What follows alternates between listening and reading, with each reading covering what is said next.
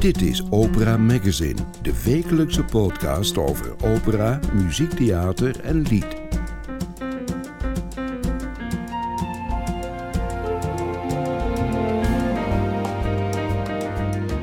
In deze aflevering van Opera Magazine hoort u Dame Sarah Connolly, juryvoorzitter van het Internationaal Vocalistenconcours, wat deze week in Den Bosch wordt gehouden.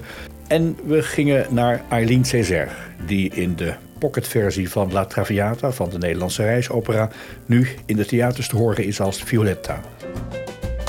Maar nu eerst naar Den Bosch, waar juryvoorzitter Dame Sarah Connolly zich voorbereidt op een paar dagen jureren van liedduo's. Pianist, zanger, zangeres, die in Den Bosch gaan strijden om de prijzen in het Internationaal Vocalistenconcours. Dit is de zangeres Sarah Connolly in The Fields Are Full van een van haar favoriete componisten, Ivor Gurney. Ze wordt hier begeleid door Joseph Middleton.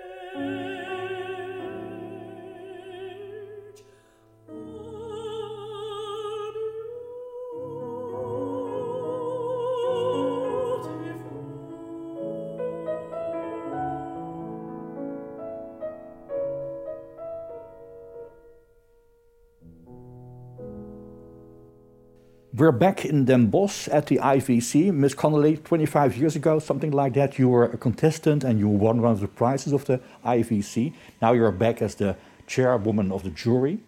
What's your memory about Den Bosch? I remember a lot. It was a very happy time. Um, it was the only competition that was um, a very complete competition in that it asked for opera and song and oratorio at the time. There was all three arms, and um, I thought that that was that was very comprehensive, and I could, as a singer, show all the different things I do, not just two songs, because you can't really show who you are and what you do with two songs. Or maybe I felt I couldn't. Yeah. So. Um, yes, I think I was 29 when I entered, so it's quite you know, on one of the on the upper limits of the age range. But uh, I felt I was ready to put myself on the map um, because you know, approaching thirty, and I wasn't getting any opera work.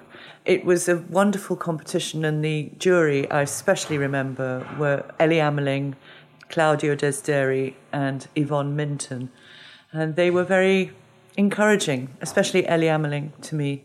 We've met several times over the years since. She doesn't remember me in the competition, but she's come to see me give recitals in, in Holland, in Amsterdam. And uh, she, she, we have lots of interesting talks about the repertoire. And she's, she's always my go to singer for, for Fauré and uh, French music generally, and, and lieder You were here in Den Bosch, but last night you were in Amsterdam at the Muziekgebouw aan het IJ for a recital with Joseph Middleton. We know how it feels to come from the gym or to have a work day or to have a, made a walk. But how does it feel when you have done a lead recital? What is the feeling and the energy you have after such a recital? If it's gone well, I can genuinely relax and have a glass of red wine, maybe some Dutch cheese. Love Gouda. And um, how do we pronounce it? Gouda. Gouda. Gouda, you see, I got it right. And um, yes, so we did last night, and I felt it went very well. How do you know? How do you how do you judge being a judge these next two years? But how do I- you judge yourself? By losing myself in the song. I would say 80% of my mind and body is immersed in making the song real. If I'm too conscious or nervous or worried about something, I'm only about 40% in the song, and I feel I haven't given the audience the right. I feel, I feel I've cheated the audience or I've been preoccupied with something else. But last night, for example, I was very immersed in all the songs, all of them. And members of the audience came up to me and thanked me for living, living the drama and sharing it with them, which is what I would ask of any competitor in the IVC, is to live, live in the moment. Um, but you know, you always have to have twenty percent of your brain focused on technique, on um, pitch, on the certainly all of your um, immerse, immersion in the song must include the pianist. So it's a sort of embracing circle. You and the pianist, what you're hearing, what you're listening to, what you're appreciating. And I think it's really lovely when a pianist has the confidence, like Joseph Middleton does, to try, you know, picking out a different inner line, a chromatic line, or a, a little melody, or even a rhythm, and that's slightly different. So I like to. Um, that's what I'm looking for in pianists in the IVC, are those who play with incredible vigor and life and um, concentration, and always, always concentrating on their singer. I've seen too many pianists divorced from their singers. It's like there's two performers, and they should be one. Um, and if I feel that symbiosis is working, then it's a big, I'm very happy. There's always talk about chemistry. Now, chemistry is not a miracle that happens from above, I guess. So you have to produce, in fact, the chemistry. What can you do to produce that chemistry? You have to give. You have to give of your heart. You have to give of your brain. You have to give of your musicality. But ultimately, rather like when you see a child behaving badly in a supermarket or something, and you see the mother, instead of lashing out with me, me, me anger, she just scoops up the child and she she she takes it without anger and she takes it and she deals with it whatever it is.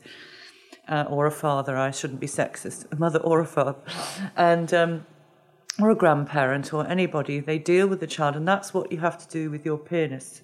And the pianist has to do with the singer is that whatever difficulties you're facing as a as a in, in the text or in the tessitura in the range or as, as a pianist, as the, all the difficulties, that you never ever lose sight of the fact that you have your metaphorical arm around the singer, and the singer has her or his arm around the pianist, so that it's an embrace. It never breaks, no matter what trials, or even if you're just um, losing yourself in a nice, gentle line, that the pianist must always be listening, because it's it, it's a sort of you have to be on the same mind wavelength. And and that takes a great gift of giving. And if you're not used to giving um, I I listened to a a competition in London where I was on the panel. And this wonderful pianist um, played in the first round for this singer. She wasn't great the singer but the pianist was incredible. And then in the second round she didn't play well. She ignored the singer. And she just did her own thing. And I went up to her afterwards and I said, Can you tell me what, what happened there? And she said, Oh, I was given advice that that song should be faster, and the singer didn't want to take it faster. and I said, But can't you see the problem? That's not your you know, you have to discuss this with your singer. You can't just do that to her on stage. War on stage. No, I just said that. I mean, we can't give you a prize. I want to give you a prize because you're a really good accompanist, pianist, accom pianist, but you ignored your singer, and I'm sorry. That's that's that's a, almost like it can't happen. It's the combination of a singer and a pianist is that something as a judge for the next few days you'll see tens of millions of people singing lieder for you? Uh, how do you how do you 14 14 almost the same. Yeah. uh, how do you observe and how do you judge um, this chemistry i don't need to use my eyes. I just use my ears. If if i feel that they are approaching the same heights the same lows, the same plateaus, and they're arriving together, and that they are crescendoing together, diminuendoing together, that they have an ease and they're listening. I don't need to use my eyes. It's not about looks or stuff. Although there, there is a nice, it can be nice when there is physical communication, but I don't like it to be too arched. Do you know that word arch? People playing up to the audience. It's a bit, it can be a bit annoying when there's too much physicality between the singer and the pianist. Um, it doesn't look real to no, you. it doesn't real, and it's got to communicate um, the meaning, and you should both be projecting that meaning to the audience. I just need to close my eyes, and actually, my ears are the best test. Last night in Amsterdam, you sang a broad variety of. You started with Schumann, you did Wolf, you did Herbert Howells, you did Ivor Gurney, just to mention a few. That's all switching scene, switching music, switching language, even. Um, how does that stand next to being in the in, you're you're in the song, but next second you have to be in another song with another story? Yes, I think it's quite important that there's a relationship between the songs. I doesn't I don't mean a complete thread throughout the whole recital, but I think it, it's I do think carefully about putting one song next to the other.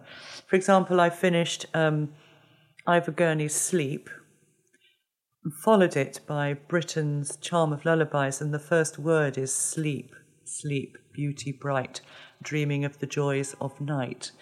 And it seemed kind of nice even though there was a pause after the Gurney, to go into another song, but a totally different sound world of Britten after Gurney's rather sort of tragic song of insomnia and stress, than to move into a, a lullaby.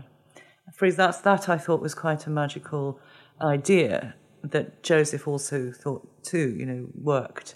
So I'm quite careful that while the moods and the stories are very different, that the subjects don't jump around too much. For this competition, a song has been written by text by Mark Pontus and music by Bart Visman. And I read a few lines of the song that everybody has to sing, all the duos. The teachers do not know, the judges do not know, so that's about you. The accompanist does not know, you do not know, no one knows. I think it's very, very honest. I really enjoy the script, uh, the the poem. I think it's charming. I think it's self aware.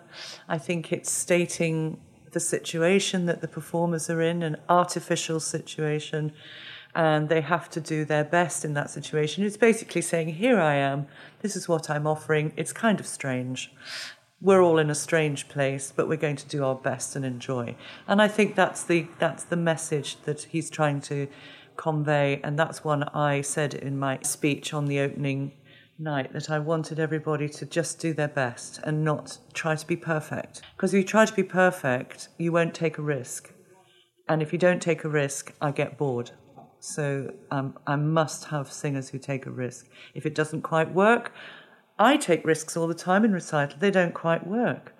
And, you know, if they do, great. But if they don't, they don't. At least you tried. eight years ago, we talked about the form of the lead recital and how that should be or, or, that shouldn't be. And you said, don't wear a very funny dress. You must dress for the music you're singing in everything. So if you're singing a cabaret evening of Kurt Weill, Sondheim, um, you know, in contemporary music, well, you can wear whatever you like. You know, you can wear something appropriate for that music. Um, smart casual, um, very, very modern, might wear something uh, quite sexy if you're a girl or even a man, you know, whatever. But if you're singing um, Dichterliebe, it would you'd look ridiculous if you were wearing the same clothes that you would for the Sondheim concert. So, so it's distracting for the audience. I think you should dress for the music. And if you distract the audience with a colour or um, an outfit that is nothing to do with and can't be conceived of as part of the performance, you're, you're asked as chairperson or chairwoman of the jury because of your taste in music. Can you switch off your taste in dresses when someone comes up with in a dress or, or something, costume that you don't like or that you don't find appropriate in this competition? I wouldn't mark a singer down on it because that's not, I'm not interested in that. But I might have a quiet word with the singer afterwards and ask, Can you tell me why you wore that? But I wouldn't judge in the competition. I would not make any negative opinion about that with regard to the singing.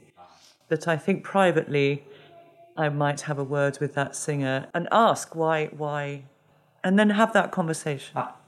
Lead is about very private emotions, about love, lots about love, but also about death and about sorrow since last time we met eight years ago, so many things have happened in a political way. You you marched against Brexit. I remember those pictures of you with a beret in the streets of London marching against Brexit. There was COVID. There was, uh, but there was also lots of physical and medical uh, drama in your life. Has that changed the way you approach songs nowadays? Um, yes, I had breast cancer um, and the horrible chemotherapy and radiotherapy. Um, and I would say that it's made me treasure what I do even more and to perhaps consider doing a little less but keeping it of the highest quality. Um, I say that, but my diary is ridiculously full, so I'm I'm absolutely not following that advice at all. I, am but I am going to have to be careful, um, and uh, but I I think given how miserable I felt during chemotherapy and thought, this is pretty awful, I'm going to appreciate life even more. And I'm lucky enough to say I recovered from cancer because two of my friends died of cancer during my confinement. Um, they had brain brain tumor issues. Um, so I'm I'm grateful that I mine could be dealt with, and and it's uh, I've come back to singing feeling extremely grateful and hopeful that other musicians and singers can talk about their cancer and not, not worry about anybody asking strange questions because it's part of life. Oh. We all get, you know, illnesses of any kind. And um, I, I, I, there should be no stigma around cancer.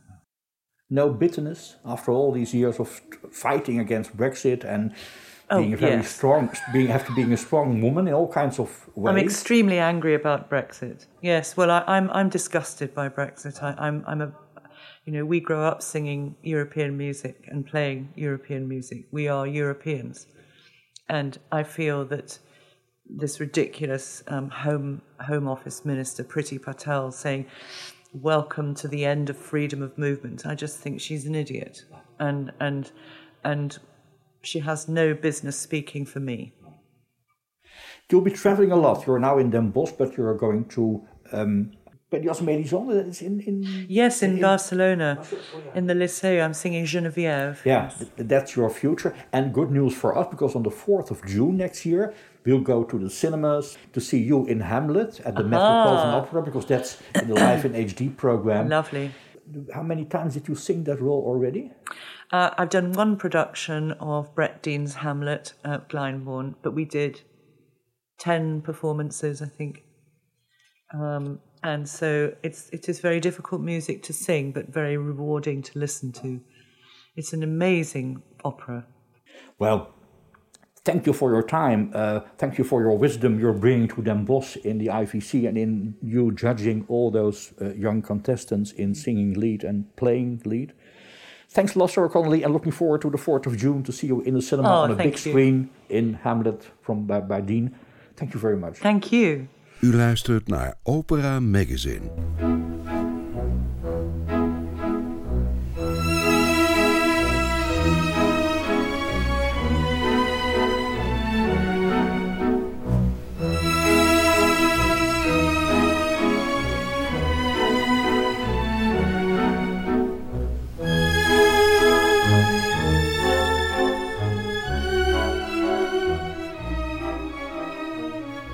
Dit is de muziek van La Traviata, de opera van Verdi, die de Nederlandse reisopera nu in een pocketversie in de theaters brengt. Vorig weekend stond de productie zelfs in Carré in Amsterdam. En ook daar zong Eileen Césaire de hoofdrol van Violetta. Eileen, fijn dat je even wilt praten in deze drukke tijd die ook spannend is. Het was in Carré denk spannend. Hoe was Carré? Carré, Carré was geweldig. ja, ten eerste, Carré is Carré. dus en wat is, dat dan? Wat is dan de magie? Ja, dat is een hele goede vraag. Ik kan niet helemaal mijn vinger erop leggen. In die zin, je komt die zaal binnen en je denkt... Nee, hier wil ik zingen. dat helpt al. Ik bedoel, uh, je kijkt om je heen en je, het is je krijgt een boost van positieve energie. En ja, dat artiest in je het beestje gaat zeg maar uh, trappelen en denkt ja, ja, ja, ja, laten we het doen.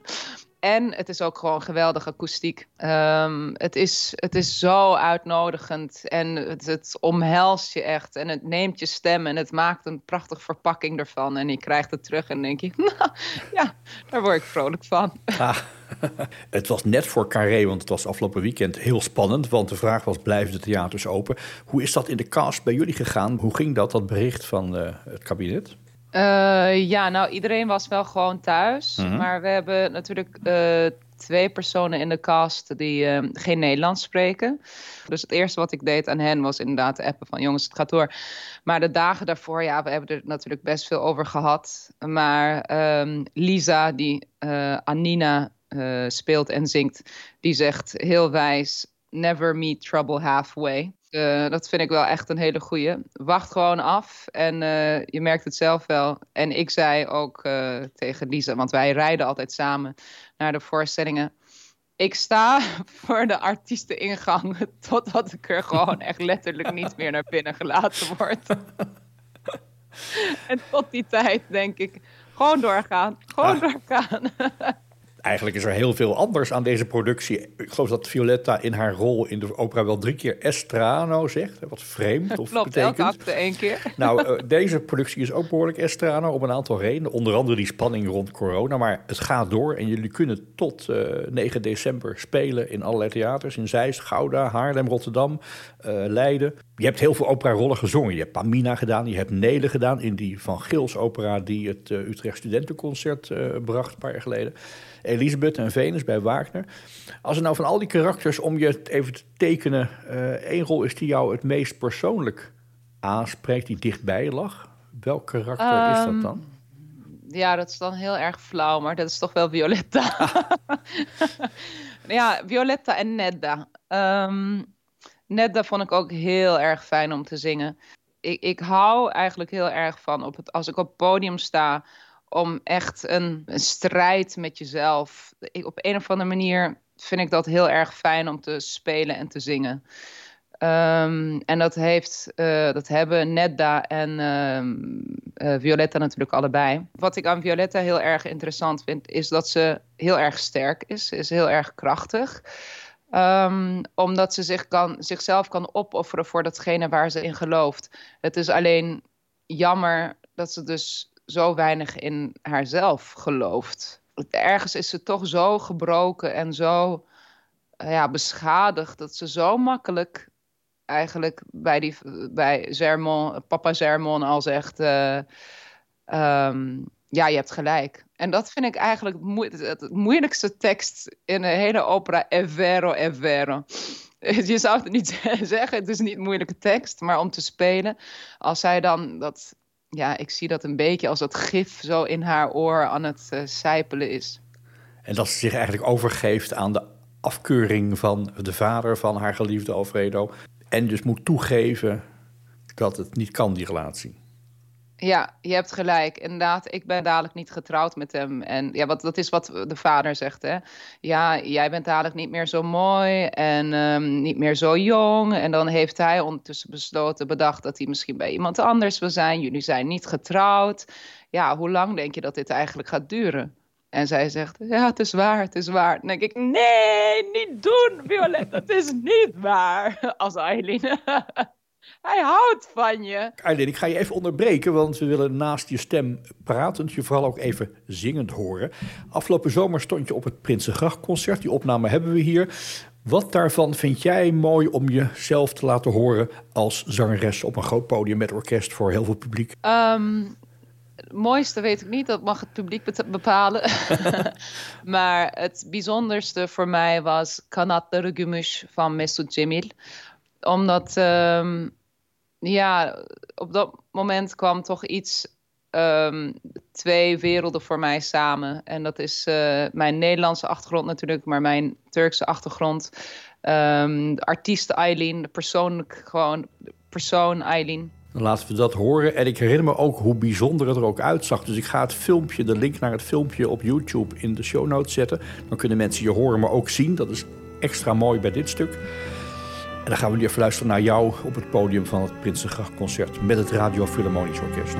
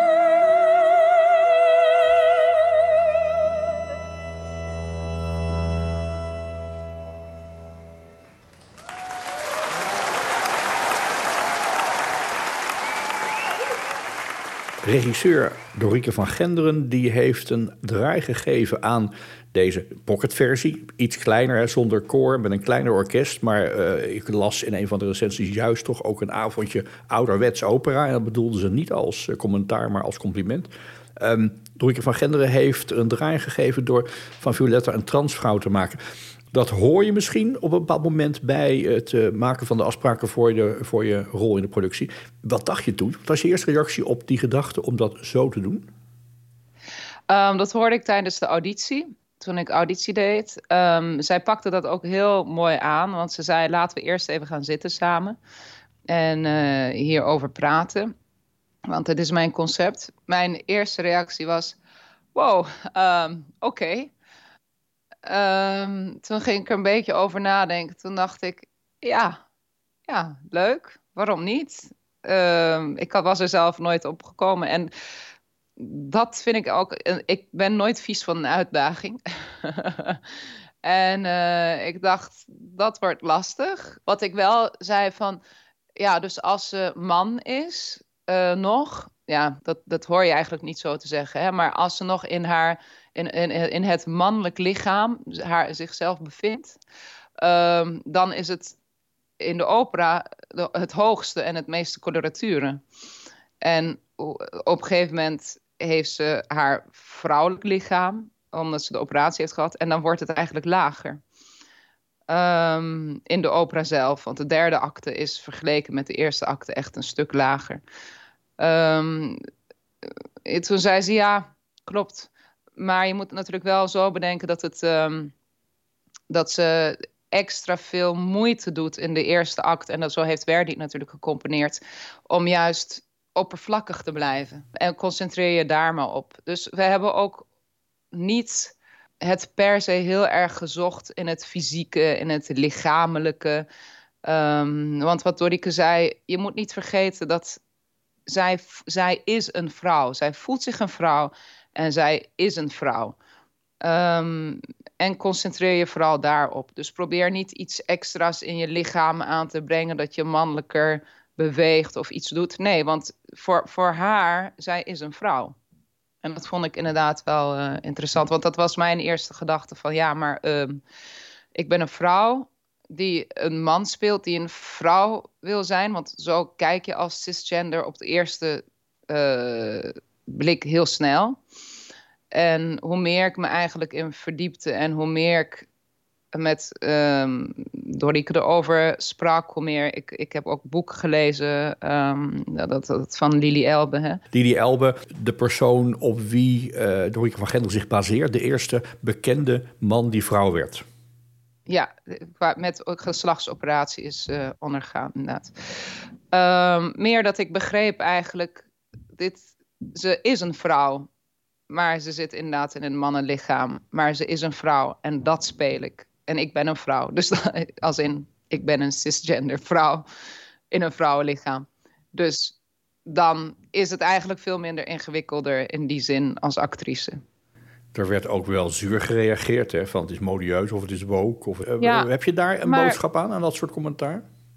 Ja, prima. Ik begrijp het. Um, maar dat, het hele punt is dat we die discussie aangaan. Tuurlijk, mensen zullen erop reageren.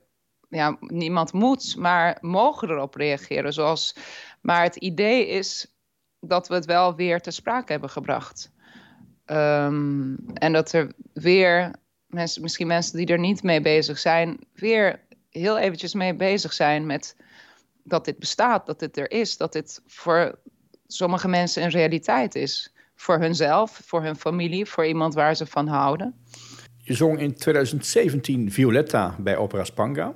Dan heb je in een heel intensief proces die rol je eigen gemaakt. Dan heb je Violetta in je systeem, in je stem, in je lijf. En diezelfde Violetta wordt nogal veranderd. Hè, in geval in de gelaagdheid in deze productie. Moet je dan afscheid nemen van de oude en de nieuwe Violetta uh, leren kennen? Ja, best wel. Ik merkte wel toen ik het aan het instuderen was opnieuw, want ja, dat doe je toch wel. Uh, je stem verandert. En um, nou ja, 2017 is ondertussen vier jaar geleden. Dus uh, je gaat toch weer uh, naar partituur kijken. Er zijn verschillende coupures. En um, toen merkte ik wel dat ik nog steeds echt de regie van de vorige, dus van Opera Spanga, in mijn lichaam had. Want ik ben super kinetisch in die zin, ook met repetities. Ik moet iets eerst doen, want anders zal ik het nooit herinneren van alleen praten. Maar als ik iets eenmaal heb gedaan, dan vergeet ik het ook bijna nooit. Dus het zat echt in mijn lichaam nog. Maar het helpt ook dat je niet meer in dezelfde setting bent. Niet met dezelfde collega's uh, aan het zingen bent publiek is uh, geboeid en ontroerd, las ik uh, op een aantal plekken. Wat is de meest bijzondere of de meest opvallende reactie die jij kreeg na een voorstelling? Want je spreekt dan wel eens mensen in het publiek en je hoort reacties. Wat, wat hoorde je terug wat je met name aansprak of trof? tijdens de voorstelling in Carré, tijdens onze laatste voorstelling in Carré, was er iemand in het publiek die, als Alfredo dan mijn pruik zo aftrekt, dus mij out, zoals je dat zegt. Zegt van, dit is zij dus. Ehm, dat iemand echt soort oh, deed. en toen dacht ik, yes, we hebben er een. dat, dat is inderdaad wel dat je denkt, oké, die zit er echt helemaal in. En dat, daar ga je voor. Verder was een Um, ja, er zijn een paar natuurlijk hele bijzondere dingen gebeurd. Mijn ouders zijn gekomen uit Istanbul uh, afgelopen zondag in Carré. En ja, dat is dan heel, heel erg bijzonder. Want uh, mijn vader was bij, naar de artiesteningang gekomen met mijn moeder. En hij omhelsde mij al huilend. Nou, en dan probeer ik het natuurlijk zelf nog droog te houden. Maar um, ik heb van mijn voormalige zangdocent op het conservatorium, Maria Akda, een hele, hele lieve e-mail gekregen.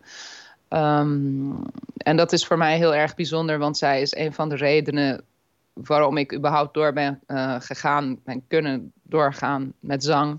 En dat is dan heel erg mooi om zo'n warme um, feedback te krijgen. Ik denk dat mensen die nog een kaartje kunnen krijgen voor Zeist of voor Gouda of voor Haarlem of voor Rotterdam of voor het laatste in Leiden in hun handen mogen knijpen om zo'n bijzondere voorstelling te zien. En ik kan me voorstellen dat mensen daar geroerd en geraakt, zoals opera moet zijn, vandaan komen. Césaire, dank je wel voor je verhaal en nog heel veel succes en heel veel gezondheid. Dat is ook nodig tegenwoordig bij de komende voorstellingen van uh, La Traviata, de pocketversie in de theaters in Nederland. Dank je wel, François. Dit was Opera Magazine, productie François van den Anker. Meer informatie en de volledige opera-agenda vindt u op www.operamagazine.nl.